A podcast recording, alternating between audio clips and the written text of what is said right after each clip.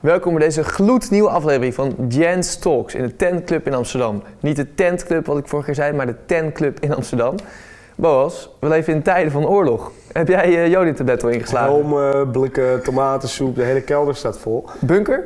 Eh, oh, zeker, zeker. Voor zover dat kan natuurlijk in Amsterdam. Nee, maar goed, kijk, alle gekheid op een stokkie. Het is natuurlijk vreselijk dat er een oorlog is. Mensen die daar gewoon leraar, bakker, weet ik veel wat zijn, die nu hun huis uit moeten omdat een van de Rus besloten heeft uh, raketten op hun stad te schieten. Ja, ik vind, het, uh, ik vind het vreselijk en ik wil de kijkers ook alleen maar aanmoedigen om, als je die mensen kan helpen en je ziet initiatieven, weet je. Wat moeten wij eraan doen?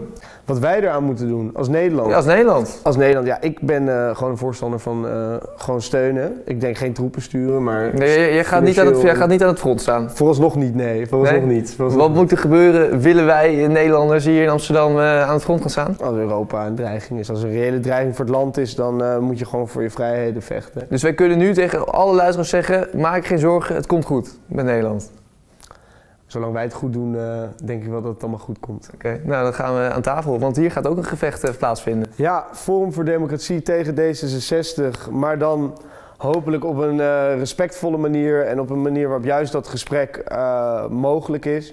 Ah, wel, mag wel een beetje, een beetje schuren. Tuurlijk, altijd op het scherpst van de snede. Ehm, maar het zou mooi zijn als er misschien zelfs overeenkomsten uitkomen. Ik noem maar wat. Who knows, who knows. We gaan het meemaken. Zullen we aan tafel gaan? Let's go. Nogmaals welkom in de Tankclub in Amsterdam. Vandaag een D66er en een FVD aan tafel. Ik denk dat dat uh, op zichzelf al een unicum is. Mannen, hebben jullie, hebben jullie er zin in? Ja, zeker. zeker. Ja? ja? Nou, we zitten hier met Julian Toma, van de ja, kandidaat D66 in Amstelveen. 19 jaar, studeert geschiedenis aan de UvA, Universiteit van Amsterdam. Leuk dat je bent. Baran, Jankier. Ja. Ja, zeg het zo goed, heel goed. Uh, kandidaat voor FVD, Forum ja, voor Democratie. Klopt. In uh, Enschede. Ja. Student psychologie. Ja. Nou, dus we zitten hier met studenten, kandidaten, wat wij uh, belangrijk vinden, hè? jongeren. Ja, zich, zeker. En ik denk dat het leuk is om te zien dat er twee jonge gasten zijn, weet je wel. Toch niet stil blijven zitten en je stem laten horen. Dat is precies ook waar wij hier natuurlijk voor staan. Uh, dus ja. Nee, ja ik, we, we, gaan zo beginnen. Ik nog een paar huishoudelijke mededelingen. We zitten ook op Spotify sinds uh, ja, vorige week. Uh, dus of je naar ons willen zien of alleen ons, ons willen luisteren, dat is helemaal aan jullie. Julian, ik ga bij jou beginnen. Want jij maakt je echt hard voor jongeren in de politiek. dat vind jij heel belangrijk. Dat, dat spreek jij in het openbaar uit. Ehm, waarom is dat volgens jou zo belangrijk? Ja, je merkt op dit moment uh, dat de gemiddelde leeftijd van uh, lokale politici in de gemeenteraad ligt op 53 jaar. Um, ja, in de samenleving, in de maatschappij ligt dit meer dan 10 jaar lager, ligt het ongeveer tot rond, rond de 42 jaar, is de gemiddelde leeftijd. Betekent dus dat er 10 jaar verschil tussen zit. Uh, er zitten heel veel 60-plussers in de gemeenteraad en nauwelijks jongeren van onze leeftijd. Um, daarbij komt nog dat uh, onze generatie jongeren tussen de 18 en ongeveer 26 jaar, vier jaar geleden, stemde nog niet eens de helft ervan. Veel minder dan de helft, eerlijk gezegd. Um, ja, dat betekent dus dat en um, ze laten niet van zich horen, of nauwelijks van zich laten horen bij de lokale verkiezingen voor de gemeenteraad. En vervolgens zitten ze niet in de gemeenteraad, wordt dus ook daar het geluid van jongeren niet gehoord. Dat betekent dat dus een hele generatie ten opzichte van andere generaties die veel meer stemmen en wel in de raad zitten, uh, ja, dat ze gewoon wegvallen. En daarom is het zo belangrijk uh, dat, ja, dat wij er zijn, jonge politici, om wel dat geluid uh, te kunnen laten horen. Ik denk ook dat dat goed is. Uh, los van dat mijn mening daar niet per se relevant over is, is het denk ik het algemeen goed dat het mensen breed, de maatschappij breed vertegenwoordigd is in het algemeen. Maar waarom denk jij dat eh, mensen op middelbare leeftijd niet de belangen van jongeren kunnen behartigen? Um, ja, als je ouder dan 50 bent, dan ligt, dan ligt de tijd uh, van je jeugd, je studententijd, ligt al heel ver achter je. Uh, 30 jaar dat daartussen zit. Ik denk dat wij ons nauwelijks kunnen herinneren wat wij 10 jaar geleden deden. Uh, ja, die hele beleving is anders. Het is een heel andere generatie, een andere wereld waarin wij, waarin wij nu leven en waarin wij opgroeien. Um, dus ik denk dat het de jongeren zelf zijn die zelf dagelijks naar school gaan, die zelf te maken krijgen met problemen als het woningtekort, die zelf geld moeten lenen voor, voor hun studie, die dat allemaal dagelijks meemaken die kunnen het best zeggen wat hun problemen zijn en wat daar dus ook de oplossingen voor zijn. Dan heb ik eigenlijk, en dit is een vraag misschien ook voor jullie in het algemeen, van jullie zijn natuurlijk al bij piepjonge gasten. Ja, wat heeft jullie dan gemotiveerd eigenlijk om te zeggen van, ik ga wel mijn stem laten horen, ik wil onderdeel nemen aan dat toneelspel van eigenlijk... Uh, ja, oudere mannen kunnen bij dan bij Baran beginnen. Toneelspel, uh, jij? Vind je politieke toneel? Nee, dat valt ook wel weer mee. Maar je begrijpt wat ik bedoel. Nou, voor mij was het eigenlijk meer van, ik zag de problemen in de wereld. Hè. Ik keek naar inderdaad het woningtekort, maar ook dat je bijvoorbeeld met, geen, met één modaal inkomen geen gezin meer echt kan stichten. Je moet nu gewoon als beide ouders gaan werken en dan je kinderen naar de, bijvoorbeeld naar de kinderopvang sturen, maar dat kost ook weer geld.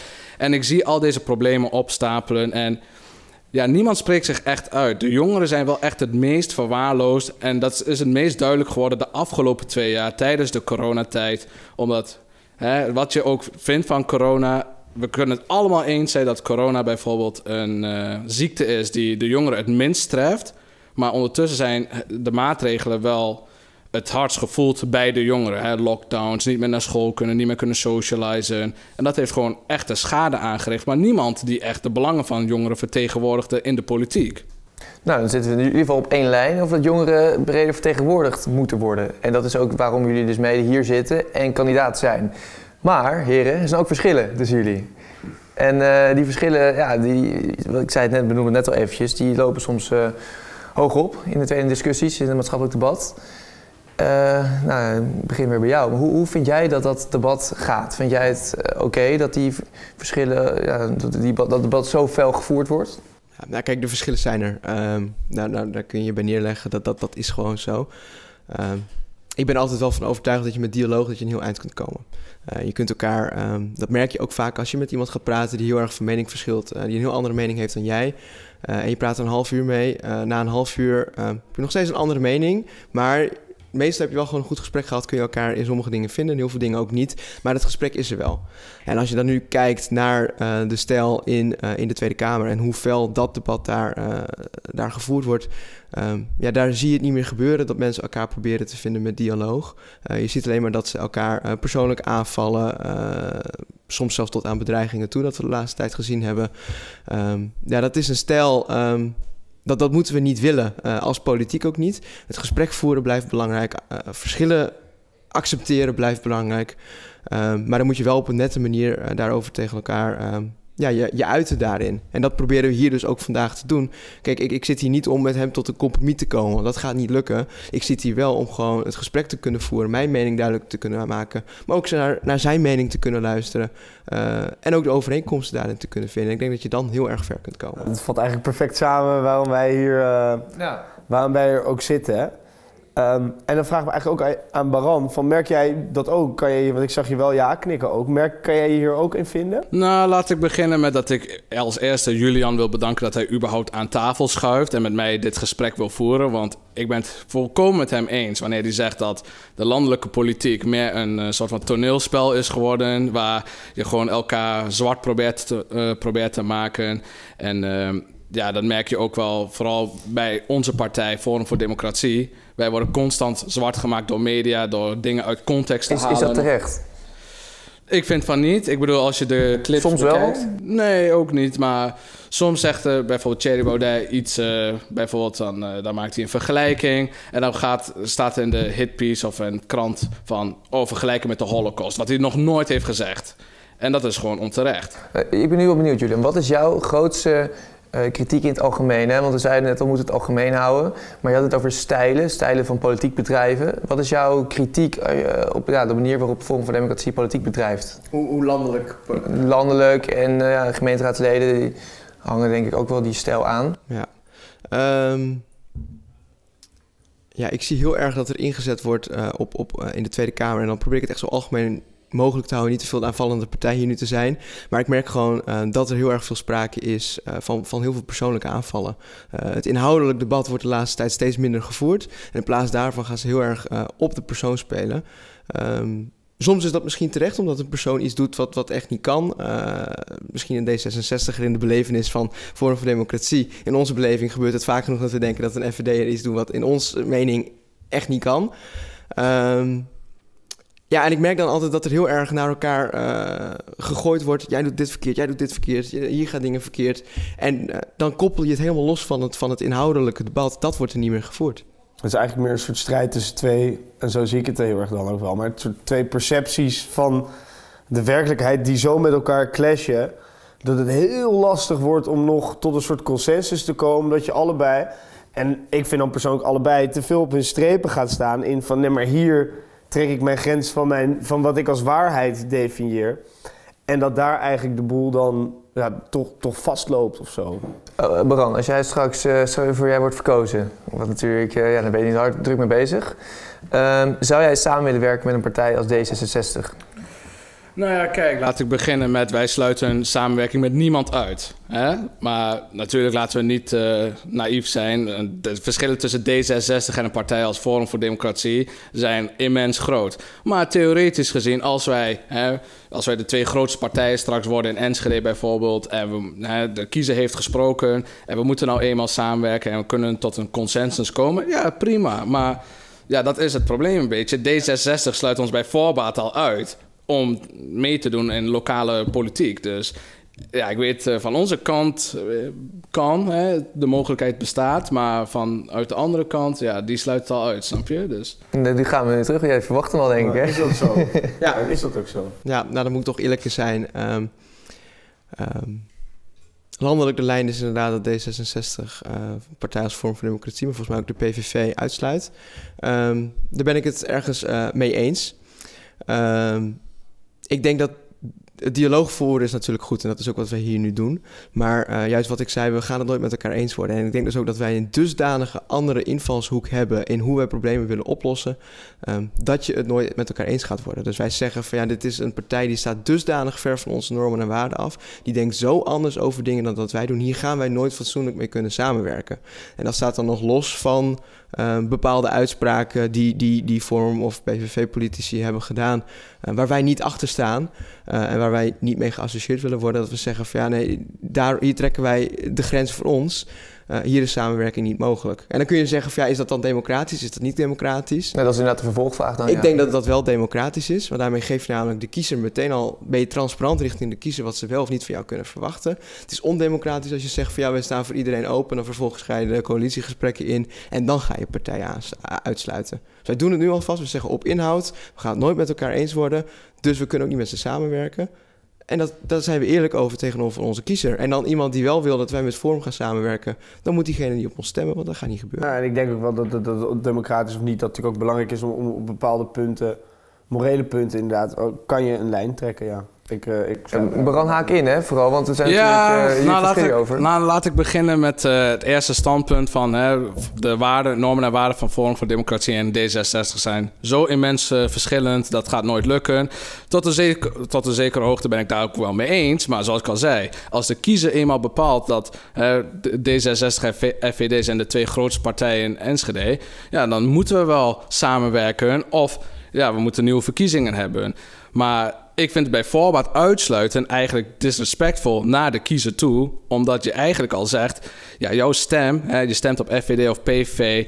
Ja, jij telt eigenlijk niet mee. Als wij winnen, dan gaan wij niet voor jou de gemeente, het gemeentebeleid bepalen. Jij, ja, jij doet eigenlijk niet mee met het democratisch proces. En ja, ik vind dat niet alleen dis disrespectvol, maar tegelijkertijd ondermijn je tegelijkertijd ook nog de democratie. Dus ja, ik denk eerlijk gezegd wel dat, het, dat, dat er daar wel een verschil in zit. Omdat je wel kan luisteren naar bepaalde pijnpunten van de kiezer. Maar dat jij zegt, wij gaan met het, met het instituut, uh, in jouw geval dan FVD, maar je zou het ook over een PVV kunnen zeggen. Denk ik wel dat het ook meer is, we gaan niet met het instituut werken... omdat er vanuit dat instituut bepaalde geluiden gekomen zijn... waar wij ons als partij niet mee uh, associëren... Uh, maar zij zeggen denk ik niet, ja, correct me if I'm wrong, maar niet per definitie van we luisteren niet naar je stemmen. Als het denk om woningnood en onderwijs en precies wat je zegt, ook over modaal inkomen, wat natuurlijk een gigantisch probleem is, denk ik nog best wel dat mensen bereid zijn om, om te praten. Dus in die zin denk ik persoonlijk wel dat het niet per se totaal ondemocratisch is, maar dat het meer ook naar het instituut neigt. Waarvan ze eigenlijk ook al bijvoorbeeld zeggen: ja, wij, wij, kunnen ons daar niet aan liëren, omdat wij daar ver vandaan liggen. Nou, weet je wat het is? Als je kijkt naar bijvoorbeeld een partij zoals de SGP, hè? dat is een uh, gereformeerde partij, heel conservatieve normen en waarden. Ik heb D66 nog nooit horen zeggen van. Ik ga nooit met SGP regeren. En hoe zit dat dan? Want dat zijn ook conservatieve normen en waarden die zwaar afliggen. Dus tot zekere hoogte heb je wel gelijk. Dat gaat om de partij zelf. Maar ja, dan sluit je een hele kiezersbasis uit. En wat is democratie nou eigenlijk? Democratie is eigenlijk dat het volk beslist. Het volk beslist bij wie de macht komt. Bij deze partijen zoals D66 en FVD zijn alleen maar volksvertegenwoordigers die de wil van de het volk moeten uitvoeren. Dus Ik snap niet hoe je een deel van de bevolking kan uitsluiten van het democratisch proces en tegelijkertijd jezelf een democratie noemen. Nee, daarop reageren? Tuurlijk, ja, want uh, ja, je noemde eerst ook dat uh, stel D66 en Forum voor Democratie zouden de twee grootste partijen zijn, dat dat dan automatisch betekent dat die moeten samenwerken. Uh, dat is niet het geval. Maar als je andere partijen gaat zoeken, je gaat bijvoorbeeld D66, VVD en GroenLinks hebben ook een meerderheid, dan luister je dus nog steeds naar de meerderheid van de kiezer. Het is niet zo dat automatisch de twee grootste partijen dan maar moeten gaan samenwerken. Het is als je een meerderheid kunt vormen, is dat heel democratisch om daar dan ook die meerderheid uh, te gaan vormen. Dus, ja, dat, ehm, dat, is natuurlijk de vraag. Ik haak even op je in, want dat is, dat is echt de vraag over het kiesstelsel. Dus vinden we, hoe vinden wij het eh, coalitiesysteem dat je partijen gaat zoeken om mee samen te werken om een meerderheid te halen? Mhm. Ehm, dus ik, ik snap wel daar, daar de, ja, de complexiteit zeg maar, in zit. Maar het gaat er nu ook in dit geval om het bij voorbaat al uitsluiten om bepaalde redenen dat niet alleen om de inhoud gaat, maar ook om de, ja, de, de hoofdvraag net over het bedrijf van politiek in het algemeen. Ja, ja en, hij zegt heel erg dat, dat Forum van Democratie dan meteen al uitgesloten is van de gemeentepolitiek of, of landelijk politiek. Ehm, zoals ik net ook al aangaf, uh, de kiezer weet van ons dat wij niet met Forum voor Democratie gaan samenwerken. Dus als de kiezer wil dat er een samenwerking komt van Forum voor Democratie met welke andere partij dan ook, dan moeten ze op partijen gaan stemmen die Forum niet uitsluit. Dus dan sluit je Forum voor Democratie niet uit van het gemeentelijk bestuur. Wij zeggen niet, jullie mogen sowieso niet gaan regeren, geen coalitie vormen. Wij zeggen alleen, wij gaan dat niet doen. Uh, dus jullie worden niet uitgesloten. Het is aan de kiezer om te bepalen uh, of zij vinden dat jullie wel of niet mee mogen doen. En op basis daarvan kunnen ze stemmen op, op partijen die dat wel of niet vinden. Bram, we gaan nog even, maak deze af. We gaan naar een onderwerp. Nou ja, ik sluit af door te zeggen van hè, D66 sluit ons nu, hè, we hebben nu specifiek over D66, maar het is een, wijde, hè, een wijdere coalitie die ons nu uitsluit. VVD heeft ons al uitgesloten, CDA heeft ons al uitgesloten. En dit heeft ook zeker invloed op de verkiezingen, hè, bijvoorbeeld. Want iemand die bijvoorbeeld op FVD wil stemmen omdat hij zich zorgen maakt om het vaccinatiebeleid of het coronabeleid of uh, betaalbare woningen, immigratie, ja, die gaat toch misschien nu meer neigen naar een andere partij, omdat ze al denken van FVD gaat sowieso misschien, nou, we hopen van wel, maar die gaat geen uh, eh, 51% van de stemmen halen. Dus misschien kan ik mijn stem aan een andere partij geven die nog wel wat uh, kan realiseren voor me. Dus in een zekere zin is het wel een ondermijning van het democratisch proces. Ja, ik, ik denk dat jullie de, de, termen democratie, dat zie je ook in de maatschappelijk debat in het algemeen. Ja, je houdt er iets van een revisie op na en Baran, uh, jij ook. Um, ik denk dat het goed is om naar een ander onderwerp te gaan, omdat ik denk dat dit een onderwerp is wat uh, ook veel landelijk aangaat. En dat is de lijn die jullie hebben gekozen. Maar niet, uh, ik, zie er, ik zie jullie niet naar elkaar toe groeien op een gegeven moment. Maar jij maakt je ook hard voor inclusie. Jij vindt inclusiviteit belangrijk. Dus jij bent ook volgens mij voor een vrouwenquota bijvoorbeeld. Heb ik dat goed begrepen? Ja, waarom, waarom vind je dat zo belangrijk? Want dat gaat ook weer, waar we het begin over hadden, over die evenredige vertegenwoordiging. Ja, um, ja het is een volksvertegenwoordiging. Uh, dus wil je dat een, een, een Tweede Kamer of een gemeenteraad ook daadwerkelijk het volk van kan vertegenwoordigen, dan moet je zorgen dat het ook een eerlijke afspiegeling is van het volk. Dus dat betekent uh, niet alleen jongeren, maar ook vrouwen. Maar het gaat ook breder dan dat. Ik zou ook zeggen van ja, uh, mensen die uh, meer een, een, praktijkgerichte opleiding hebben gehad, in plaats van alleen maar mensen die politicologie, geschiedenis of, of iets dergelijks hebben gestudeerd. op die manier kun je heel erg zorgen dat de Tweede Kamer daadwerkelijk en de gemeenteraad daadwerkelijk um, het geluid van het volk, van de mensen die op hen stemmen, kan laten horen. En uh, ja, ik ben niet bang van voor maatregelen, bijvoorbeeld hier en daar misschien een quotum invoeren, die dat doel kan bereiken. Ja, als ik het zo hoor, weet je, dat hele inclusieverhaal, het komt eigenlijk neer op systematisch racisme en seksisme, waar progressieve partijen nou juist afstand van proberen te nemen, maar juist precies door dit hele inclusiebeleid uit te voeren, ga je juist systematisch discrimineren en uh, op bepaalde kenmerken waar een persoon eigenlijk helemaal niets aan kan doen. Bijvoorbeeld, ik hoor jou zojuist zeggen een vrouwenquotum in de politiek of een andere quotum. Maar dat betekent dat er andere goede mensen, die wellicht niet de juiste kenmerken hebben, dus niet een plekje krijgen binnen de politiek. Terwijl ze het eigenlijk wel verdiend zouden hebben als er geen quotum was. Dus hoe werkt dat nou? Ja, dat is. Uh nou, je kan wel nee schudden, maar het is wel de waarheid. Want er zijn maar een bepaalde hoeveelheid aan plekken, bepaalde hoeveelheid aan zetels. Laten we dat al even als voorbeeld nemen. En als je een quotum hebt van hè, 10% voor vrouwen... Nou ja, misschien was die 10% sowieso wel gehaald als het gewoon hè, vrouwen waren met kwaliteit. Hè, zij weten echt waar ze het over hebben. Die zijn er gewoon.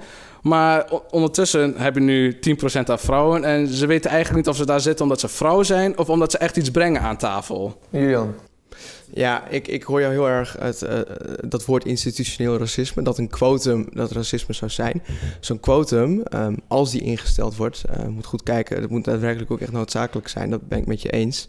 Maar als die ingesteld wordt, dan is dat juist om racisme dat er is, om dat tegen te draaien. Want wat je nu ziet, is als een man en een vrouw uh, of iemand van een Nederlandse achtergrond en eventueel een migratieachtergrond met dezelfde cv, met dezelfde kwaliteiten, uh, een sollicitatieprocedure ingaan. Bijvoorbeeld dus ook voor een volksvertegenwoordigend orgaan. Dat iemand met een vrouwelijke naam of met uh, misschien een buitenlandse naam meteen al op 1-0 achterstand staat. En zo'n quotum is ervoor te zorgen dat op plekken waar dat gebeurt, uh, om dat tegen te gaan. En wat wij zeggen, als er een gelijke kwaliteit is van een man en een vrouw. Je hebt een mannelijke, vrouw, een mannelijke kandidaat en een vrouwelijke kandidaat. En die ehm, hebben de, dezelfde kwaliteiten, dezelfde cv. Om dan misschien, als je al vijf mannen aangenomen hebt, voorrang te geven aan de vrouw. Maar ook voor te zorgen dat er daadwerkelijk een evenredige vertegenwoordiging is.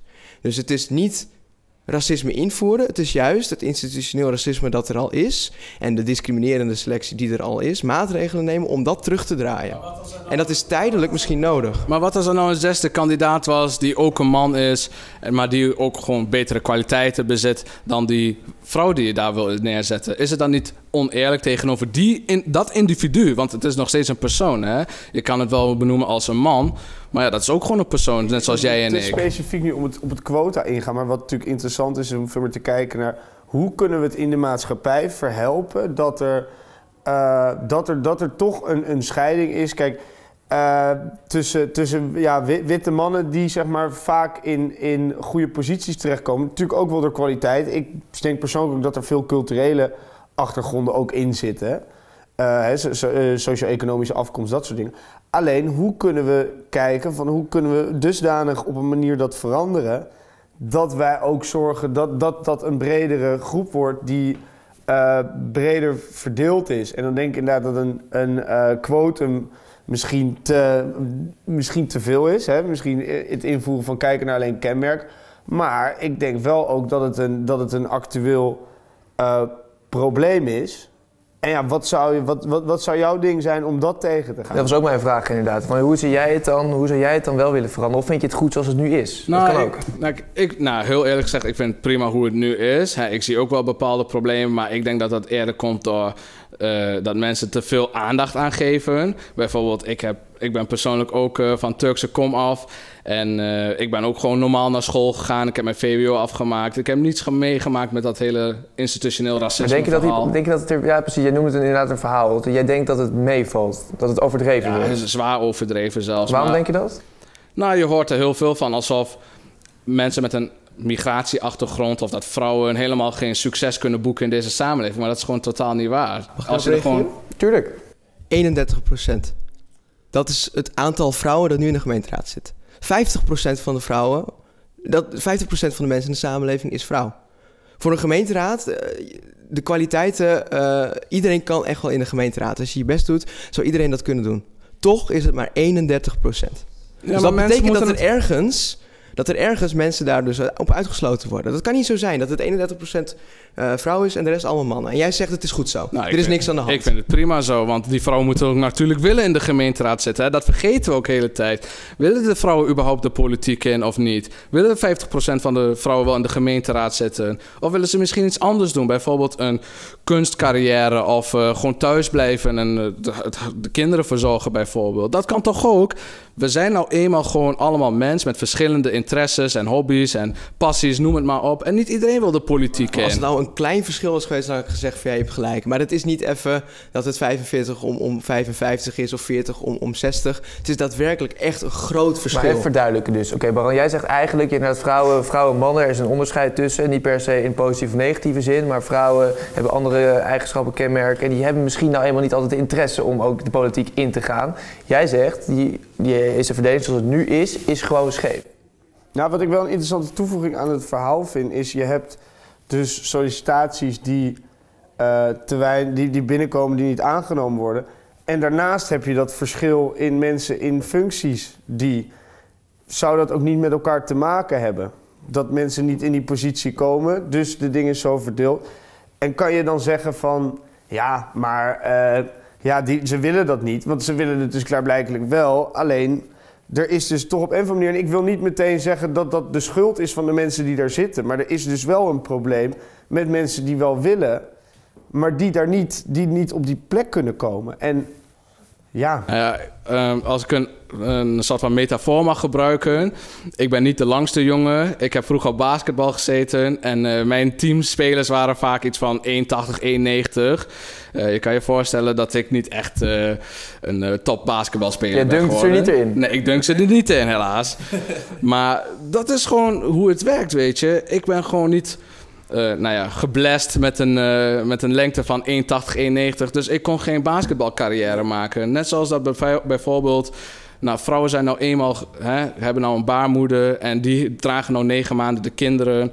En dan hebben ze negen maanden verlof. En dan op die manier kunnen ze bijvoorbeeld niet een topfunctie bekleden. Of willen ze dat vaak ook niet, omdat het gewoon te veel moeite is. Maar is dat, mag je dat meenemen in de sollicitatie zonder dat je met ze gesproken hebt? Nee, tuurlijk niet. Dat, ook, hey, dat zeg ik ook weer niet. Juridisch gezien mag dat ook niet, overigens. Maar dus ook de vraag eigenlijk waar nu het fundamentele eh, aspect... Willen, moeten we dat überhaupt willen? En, of moet, en moeten we het veranderen door middel van een quota of wat voor regel dan ook? Kijk, het ding is... Um, ergens is, is je argument dat vrouwen het misschien niet willen... is, is ook sommige plekken wel geldig. Kijk, ik ga ook niet in. in uh, ik weet niet de exacte cijfers. Maar ik kan me voorstellen dat bij plekken als, als Defensie of bij bouwvakkers. dat daar maar meer mannen als vrouwen aan het, uh, dan vrouwen aan het werk zijn. Dus ik ga ook niet in zeggen van hé, hey, er moet bij een bouwbedrijf of bij Defensie uh, moet een quota komen 50-50. Want dat is niet de verhouding van, de mensen, van het aantal mensen dat daar werkt. Maar je kunt mij niet wijsmaken dat dat in de politiek... en ook als ik hem heen om me heen kijk, als ik in universiteitszalen kijk... er zijn genoeg vrouwen die, die een opleiding hebben gehad... die interesse hebben in de politiek. En dan vind ik het gek dat er een verhouding is van 30 om, om 60 procent... om het even af, om 70 procent, om het af te ronden... Uh, je, het kan niet zo zijn dat er zo'n groot verschil zit in interesse van politici uh, tussen, tussen man en, en, en vrouw. Nou, ik geloof van wel, want laten we heel eerlijk zijn, politiek is niet het meest spannende wat je doet in het leven. Je doet het meer om, hè, uit een soort van gemeenschappelijk gevoel. Je hebt het gevoel dat je iets moet veranderen. En ik denk dat gewoon heel veel mensen, mannen en vrouwen, hè, dat, gewoon, dat niet, gewoon niet in zich hebben. Maar het is ook gewoon, hè, zoals ik al zei, vrouwen zijn nou eenmaal biologisch gemaakt om kinderen te baren. En die voelen ook gewoon eerder die drijf van als ze eenmaal zwanger zijn en dat kind hebben. Van weet je ik heb, niet geen ik heb geen tijd om de gemeente in te gaan. Maar dit kan je toch niet invullen voor, voor een vrouw? Zeker in de moderne samenleving is dat toch ook wel anders. In de zin van, je, je, kan, je kan dat niet, denk ik, dan mee laten wegen in de keuze of je een vrouw of Nee, nee maar, dat, maar dat je zegt, maar ja, ik, sorry. Ik wil heel even uh, dat rechtzetten, want dat bedoel ik totaal niet. Hè. Als een vrouw de politiek in wil en ze heeft de ambitie en ze heeft de kwaliteiten. Natuurlijk moet dat kunnen. Ik probeer meer te verklaren van hè, waar, waar ontbreekt de wil, waar ontbreekt de passie om de gemeente in te gaan of een uh, bouwvakker te worden of een ingenieur te worden. Nou, vaak heeft dat gewoon te maken met uh, vrouwen zijn, hebben met, zijn vaak ook oververtegenwoordigd als leraressen, uh, juffrouws of verzorgers. Want ja, ik ben wel overtuigd dat dat ook meer gewoon. Nee, jij zegt dat ze dat willen. Weet het, je? het probleem is ook meer een, een keuzeprobleem dus er zitten al minder vrouwen in die pool van sollicitanten. Dat is in principe wat je, wat je zegt. Van, ja, er zijn dus minder vrouwen die, minder, die willen dat dus minder. Bijvoorbeeld. Nee, ik zie jou een nee schudden. Uh, ik vind het sowieso, we zitten hier als vier mannen te discussiëren over wat vrouwen willen. Dat is sowieso al een beetje krom eigenlijk. Maar, Daar ben ik het uh, niet mee eens. Nou ja, ik denk dat als jij, als jij zegt van... Uh, met, met het hele baarmoederverhaal dat je had, uh, leg je misschien al wel een dieper probleem uh, mee bloot. Want dat betekent dus dat vrouwen per definitie al minder kansen zouden hebben. En dat is ook wat je ziet wat er gebeurt. Dat vrouwen die zijn misschien inderdaad soms negen maanden zwanger. En daarom krijgen ze inderdaad soms een baan niet. Want eh, omdat een man, die krijgt niet zo lang verlof. Uh, dus daar, daar zit al een dieper liggend probleem van ongelijkheid. En maar, ja, ja, maar dat, dat, is gewoon een vraag in het algemeen. Dus vinden wij dus dat vrouwen en mannen 100% gelijk moeten worden... Kijk, gezien voor de wet en gezien... Natuurlijk, dat, dat spreekt voor zich. Dat we dat, dat allemaal vinden, gelijke rechten, et cetera.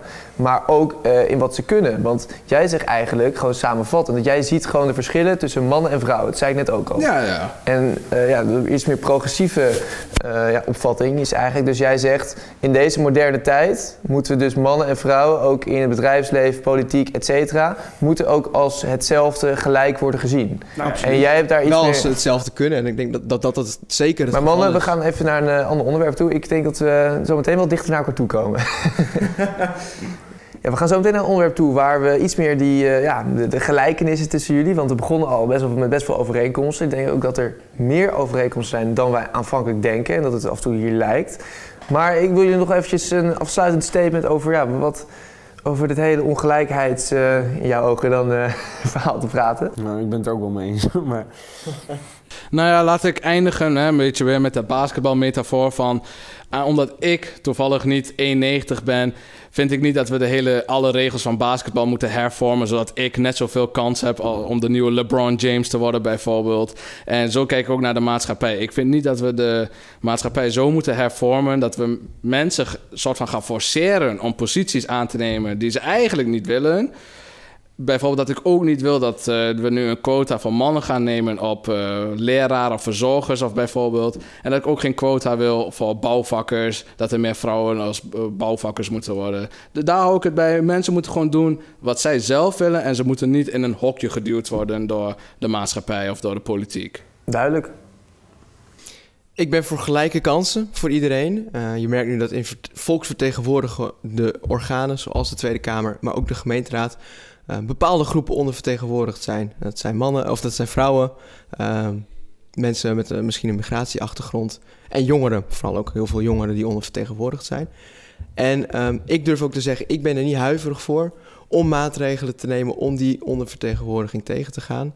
Ehm, ik denk op dit moment, mensen hebben niet overal gelijke kansen. Die verdienen ze wel, zeker in de gemeenteraad. En eh, ja, ik durf echt openlijk te zeggen, ik wil daar alles voor doen. Straks in de gemeenteraad door het geluid van jongeren te laten horen. Dat is wat ik wil doen.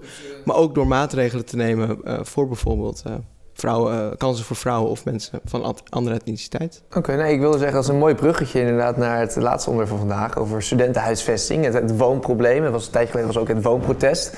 Ehm, ja, nou, wat, wil jou, wat wil jouw partij eraan doen dan? Ja, het is Wat, eh, tragisch op dit moment. En ik kan vertellen vanuit mijn persoonlijke ervaringen. Ik ben kandidaat in Amstelveen, maar ik ben in Amstelveen uit mijn huis gezet. En ik heb sindsdien daar niks meer kunnen vinden. Dus ik zit nu tijdelijk in een containerwoning voor studenten in Diemen, waar ik heel blij mee ben. Heb Gewoon jij, mijn eigen- heb, heb jij een huis? eh, een Nee, huis- ik woon bij mijn ouders. Ja, bij je ouders. Dus jij was ook een probleem met huisvesting of wil je nog niet uit huis? Nou, ik, kijk, nou ik, eh, ik heb wel een tijdje in Utrecht gestudeerd. Probeerde ik ook een huis te zoeken. Niet gelukt. Eh, maar uiteindelijk nu ik in U- Twente studeer gewoon... eh, ik ben gewoon, blijf gewoon bij mijn ouders. Ook voordeliger qua financiën en dat soort zaken. Maar om een verhaal af te maken, je ziet dus, ik, ik uit mijn persoonlijke ervaring zie het, het, het tekort voor studenten is gigantisch. Zeker in steden als Amsterdam of dan, nou ja, Amstelveen, de omgeving daarvan. Ehm, niet alleen voor studenten overigens, maar zeker voor studenten het kamertekort is echt groot. Je betaalt torenhoge prij- prijzen voor een klein kamertje. Daar liggen echt problemen ehm, en die moeten aangepakt worden en zo snel mogelijk. Om daarop in te haken, je zegt die con- containerwoning. Ik weet niet of jullie weten precies wat dat, hoe, dat er, hoe dat eruit ziet. Dan heb ik ook nog, daar ben je blij mee. Maar zelfs dan denk ik van, joh, je bent, je bent een student en je zou in een stad moeten wonen. Daar zou eigenlijk voor moeten zorgen dat je in elk geval op een manier kan wonen dat je gezelliger woont dan in een, dan in een container. Maar dat zij faciliteren dat, dat je echt onderdeel kan worden van het stadsleven. Waar nu eigenlijk alleen maar mensen met heel veel poen kunnen zitten. Wat wil jouw eh, partij doen aan het woonprobleem? In het algemeen, want Enschede en Amstelveen hebben Ja. waarschijnlijk verschillen. Nou ja, laten we beginnen met eh, meer betaalbare woningen. We willen de belastingen verlagen voor bijvoorbeeld huurders, hè, want, eh, voor kopers. En die, dan gaat dat door naar de huurders, of als je het verhuurt. Maar ik denk dat het grote probleem is, als we kijken naar woningtekort, is dat de vraag gewoon veel hoger is dan het aanbod. En hoe komt dat onder andere door onder andere immigratie, maar ook dat bijvoorbeeld universiteiten heel veel internationale studenten opnemen. Die, die hebben ook gewoon een huis nodig en die krijgen vaak ook voorrang op een huis eh, in de desbetreffende stad. En onze eigen mensen hebben het eigenlijk een beetje voor het kijken, want eh, er zijn minder huizen beschikbaar. En dan eh, krijg je verhalen zoals, ja, ik vind het heel triest om te horen dat je nu een containerwoning hebt moet zitten, omdat, of moet wonen, omdat je geen huis kan vinden. Of een studentenhuis. Dus ja, ik vind dat heel tragisch. Dus je constateert hetzelfde probleem, maar een andere oplossing. En ook een andere oorzaak, denk ik. Ik, ik, ik, ik vind het een beetje een gekke redenatie om te zeggen dat het dan erg, heel erg te, te, te wijten is aan, aan migranten. Ik denk dat het grotere probleem is dat, dat we gewoon in Nederland op dit moment niet gedaan hebben, niet genoeg gedaan hebben om, ehm, om het probleem op te lossen. Maar ook om, om jouw vraag te beantwoorden van ja, wat willen wij dan doen om, om het wel op te lossen. Ehm, Nou, trek ik hem toch lokaal, maar we zijn in, uh, in Amstelveen. Is dat een heel groot uh, kantorencomplex. Kronenburg heette dat. Daar konden we 2500 studentenwoningen. Uh, kunnen wij dat meteen realiseren? Daar is de gemeente ook druk mee bezig. Er liep een rechtszaak tegen de overheid, omdat die dat niet wilde, omdat het onder een vliegroute zou liggen. Nou, en dat ligt dus al bloot. Uh, waar liggen de prioriteiten dan bij Schiphol of bij studenten? Nou, daar zijn wij ons als D66 heel erg voor aan het hard maken om die woningen daar te realiseren. Maar daarnaast wil ik ook gewoon kijken naar bredere oplossingen. We hebben door corona uh, ontzettend veel lege kantoorpanden. Uh, zet die in om ze om te bouwen tot woningen. Uh, kijk naar zulke oplossingen, lege, lege plekken. Benut ze zoveel mogelijk. Bouw daar nieuwe woningen. Ombouw van bestaande ruimtes die je hebt. Ik denk dat je dan al een heel eind kunt komen. Maar dan moet dat wel nu gedaan worden. Nou, kijk. We... Sorry, ja, als ik heel even mag onderbreken. Ik heb een, een, een kleine vraag ook op beleid. Het zal op Enschede slaan, maar het zal ook op, uh, op Amstelveen slaan. Ik zie best wel dat naast het binnenland dat er een groep, uh, jij zegt dan immigranten, een groep buitenlanders is die uh, de stad overneemt. Maar in mijn geval zijn dat volgens mij veel meer ook in Amstelveen, veel meer de, de expats en mensen uit, uit Rusland en rijke investeerders uh, die daar uh, huizen kopen en die daar overnemen. En dan ben ik, ik, denk niet, ik denk persoonlijk niet zozeer dat het, dat het vluchtelingen of dat soort immigraties, maar echt expats en zo zie ik zelf ook veel. Maar ik vraag me eigenlijk meer af, is D66 in Amstelveen ook bezig met daarmee? Naar kijken naar bijvoorbeeld die expats die bijvoorbeeld in Amstelveen, in Randwijk heel veel, daar uh, toch huizen die vroeger voor, voor 4 ton verkocht werden en nu voor 1,2 gaan. Om dat tegen te gaan, naast dat, dat je studenten dus weer in, in oude kantoorcomplexen zet. Terwijl je die eigenlijk ook in ja, huizen wil hebben. Ja, zeker. Nee, dat is ook, dan ga je ook door naar, naar de starterspositie. Wat gebeurt er dan vervolgens als mensen als starter op de markt komen? Wat je nu dus ziet, ja, de kansen zijn gewoon enorm laag. Deels door die expats, deels ook door uh, de studieschulden die ze hebben, waardoor je geen hypotheek kunt, uh, kunt aanvragen. En vooral door de enorm hoge prijzen die er nu zijn. Uh, dus daarom zeggen wij als D66 ook, geef nou prioriteit aan die starterswoningen. Zorg ervoor dat mensen met een middeninkomen, ook mensen die nog in de sociale verhuur vallen, dat die gewoon een woning kunnen vinden. Is dit een overeenkomst? En um, nou, daarvoor maar... wij, wij, wij, wij zeggen dan ook, ja, wij schromen bijvoorbeeld ook niet hoogbouw. Er zijn partijen die zeggen in Amstelveen, ja, we vinden het eng om toch de lucht in te gaan. En we zeggen, als dat kan, uh, moeten we het doen. Want er is gewoon een tekort en die kun je op deze manier oplossen. Nou ja, laat ik beginnen met... Uh, hè, wij willen ook gewoon onze mensen eerst. En dan als je, een, ja, als je van een lagere klasse komt... dat het gewoon haalbaar moet zijn dat je een, überhaupt een huis kan vinden. Een betaalbaar huis kan kopen. Dus ik denk dat we daar wel op één lijn zitten. Maar ik wil toch even ingaan op wat ik hier hoor. Want het, het, wij, het is ook niet ons idee om Nederland vol te bouwen met huizen. Hè, met woningen. Want we hebben landbouw, we hebben natuur. Uh, we hebben ook ruimte nodig voor andere gebouwen. Zoals kantoorpanden bijvoorbeeld. En ik denk dat we nu te veel met de kraan opendwijlen. Omdat hè, je zegt zelf dat je niet overtuigd bent dat het migranten zijn per se. Dat geloof ik ook niet. Hè? Maar het is wel een onderdeel daarvan. En zolang er gewoon de vraag hoger blijft aan het aanbod, kunnen we inderdaad die mensen met al dat cash, kunnen die huizen kopen en gewoon de de huurprijs opdrijven tot wie dat kan betalen. Pakt FVD dat aan? Gaat FVD, uh, want ik, ik heb het op landelijk niveau, heb ik dat ooit ingezien, maar weet ik niet meer, maar pakken jullie in de gemeente ook aan? Want ik neem aan dat in Enschede misschien ook al langzaam gebeurt. Zijn jullie met FVD ook bezig om te kijken van ja, hoe kunnen wij zorgen dat die kosten uh, laag blijven en dat het bewoonbaar blijft voor, voor starters? Ja, zeker. Want wij willen, zoals ik al zei, wij willen de gemeentelijke belastingen van woningen verlagen. En dat gaat dan ook natuurlijk doortrikkelen naar de huurprijs. Tenminste, dat is ook de gedachte. Want dat is ook vrij logisch. Verder, wij zijn ook gewoon tegen expats verder. Hè.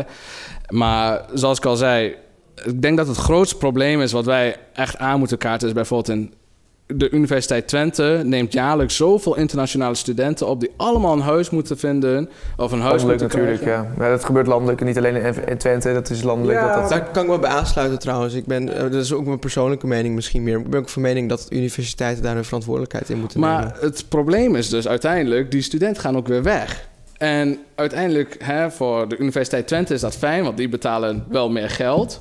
Maar voor de stad Enschede of uh, voor Amstelveen of voor Nederland in zijn totaal komt het nadelige uit. Want die mensen blijven niet, die nemen hun skills weer terug naar hun eigen land.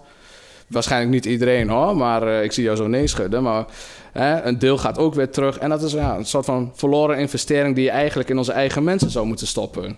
Ja, Oké, ja, ik, ik, zie inderdaad dat er wel op bepaalde dingen zijn jullie het echt wel eens. Alleen de, de manier hoe je het uiteindelijk aan gaat pakken. Daar... Nog ingaan op het laatste wat je ja, nog tuurlijk, zei. La, ja, ik, uh, ik ben wel van mening dat, dat internationale studenten wel degelijk iets brengen.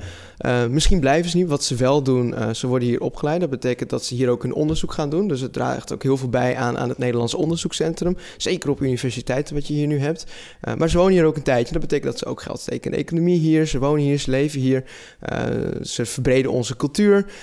wat dat betreft denk ik dat ze heel erg veel toevoegen. Ik denk wel, uh, universiteiten moeten hun verantwoordelijkheid daarin nemen. Als je allemaal internationale studenten toelaat, moet je er ook voor zorgen dat die ergens kunnen wonen. Wat je nu ziet gebeuren, universiteiten laten die studenten eigenlijk als het ware vallen. Ze zeggen, ja, zoek maar iets, er is een tekort, maar uh, succes ermee.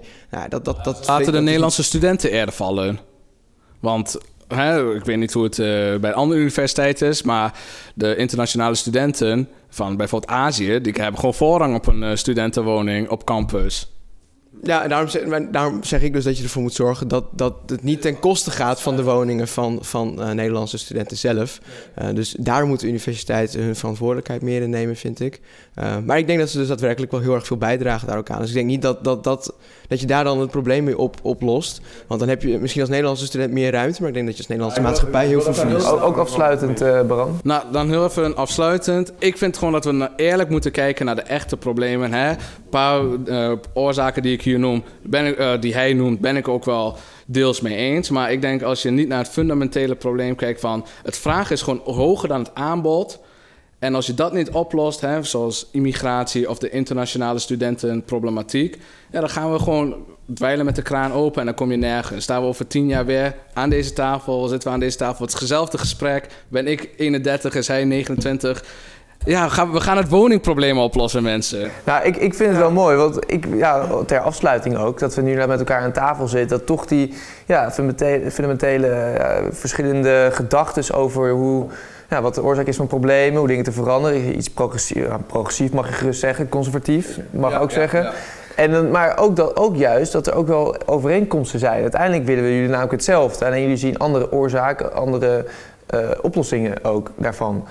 Um, dus la, laat dit dan maar een eh, voorbeeld zijn voor hoe ze uh, in Den Haag met elkaar praten. Want het probleem is er, weet je, daar kunnen we het over exact. zijn. Er is een gigantisch dat zie je ook. studenten. Ja, en uiteindelijk willen jullie hetzelfde. Jullie willen dat, er, dat ze gehuisvest worden. Dat is wat jullie willen. Alleen jij denkt uh, dat het op een andere manier opgelost kan worden. Ja, ook, daarom is het ook denk ik goed, en ik denk dat jij dat kan beamen, ja. Bas, dat het juist ook goed is om in debatten ook juist die overeenkomsten te belichten. Oké, okay, waar hebben we het nou over? En waar, wat willen we nou eigenlijk? Los van gelijk die verschillen benadrukken. Voeren jullie dat ook zo in het gesprek? Daar bereik je consensus mee en kan je dus wie weet in de toekomst samen ooit een, uh, een plan maken.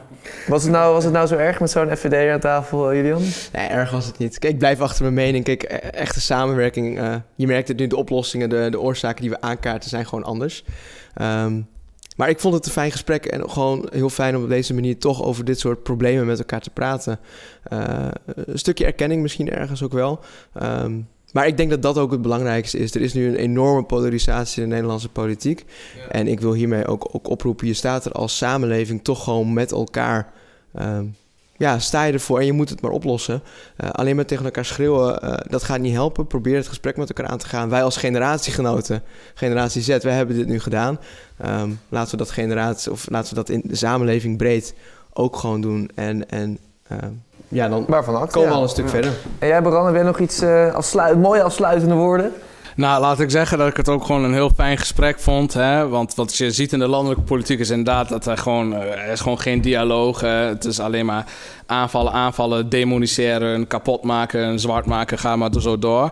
En ik vind het wel fijn dat ik hier gewoon met een echt persoon Hè, die zich in wil zetten voor Nederland. Die misschien een andere visie heeft op hoe Nederland eruit moet zien. Maar ik denk wel gewoon, hè, je hebt het beste voor met Nederland. Ik ook. En al verschillen we van mening. Ik ben toch blij dat we aan tafel hebben gezeten en dit gesprek hebben gehad. En ik denk uh, als we meer mensen zoals jij, jij hebben die oprecht gewoon Nederland voorzetten, voorop zetten, dan uh, komt het wel goed. Dit is een, wordt een tranentrekker. Dit is een, tra een heel mooi einde. Dit is allemaal bereikt. Ja, dit is echt een mooie tranentrekker dit inderdaad. Nee, we gaan uh, jullie onwijs bedanken. En ook zeker de Tentclub in Amsterdam. Ook weer, ja, hier, dit is onze, hier zijn wij gehuisvest nu. dit is, uh, ja. ja. we zijn ze super dankbaar. Het is echt een hele mooie locatie. Dus bij deze ook. Um, nogmaals bedankt. Wij zijn ook op Spotify en op YouTube. Um, ja, nou, en, uh, abonneer zou ik zeggen. En like. En like. subscribe. subscribe de reactie En deel met al je vrienden. Ja, deel met al je vrienden. Nou, tot de volgende keer en bedankt voor het luisteren. Dankjewel.